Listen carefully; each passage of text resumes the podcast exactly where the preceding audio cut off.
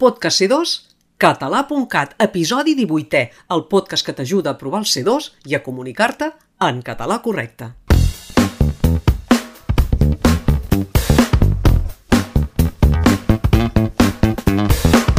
Ets més de fer o de donar?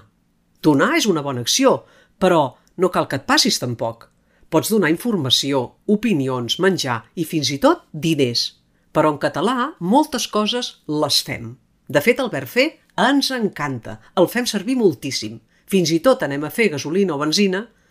La cosa és que en castellà potser són més del verb donar i nosaltres més aviat del fer. Te'n fem 5 cèntims.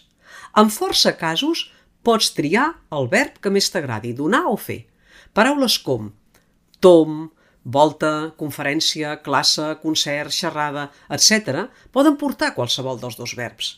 Per tant, podem dir o escriure frases com dona la volta o fes la volta, que et sentiré més bé.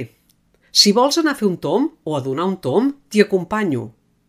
Antoni va fer o va donar una conferència, una classe, un concert, una xerrada que em va fer rumiar molt. En canvi, en altres casos has de fer servir exclusivament el verb fer. O sigui, que allà on en castellà donen, nosaltres fem. No fem servir el verb donar quan el subjecte no controla l'acció. És a dir, quan qui fa l'acció no en té el control. Per exemple, no controlem el fàstic o la vergonya, ni la ràbia, ni la pena, ni la por. T'has preguntat mai si aquests sentiments depenen de nosaltres, si nosaltres en tenim el control o la voluntat sobre ells? No, oi? Doncs, com que no tenim aquest control, hem de fer servir el verb fer. Evitem errors com dona pena o dona fàstic, com si els anéssim regalant, perquè realment aquests errors fan pena.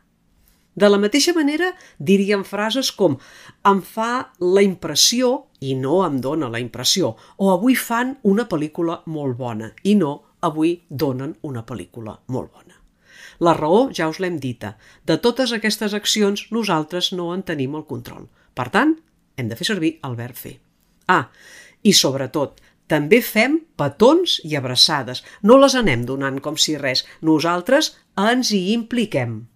Si t'ha quedat clar, fes un cop de cap i subscriu-te al nostre podcast i difon-lo entre els teus companys. I si en vols saber més, entra a c2català.cat on hem fet un curs amb tots els apartats del C2 explicats. Fes-te amb els diferents tipus d'exercicis que hauràs de fer a l'examen. Fes l'examen sabent què has de fer i com. T'hi apuntes?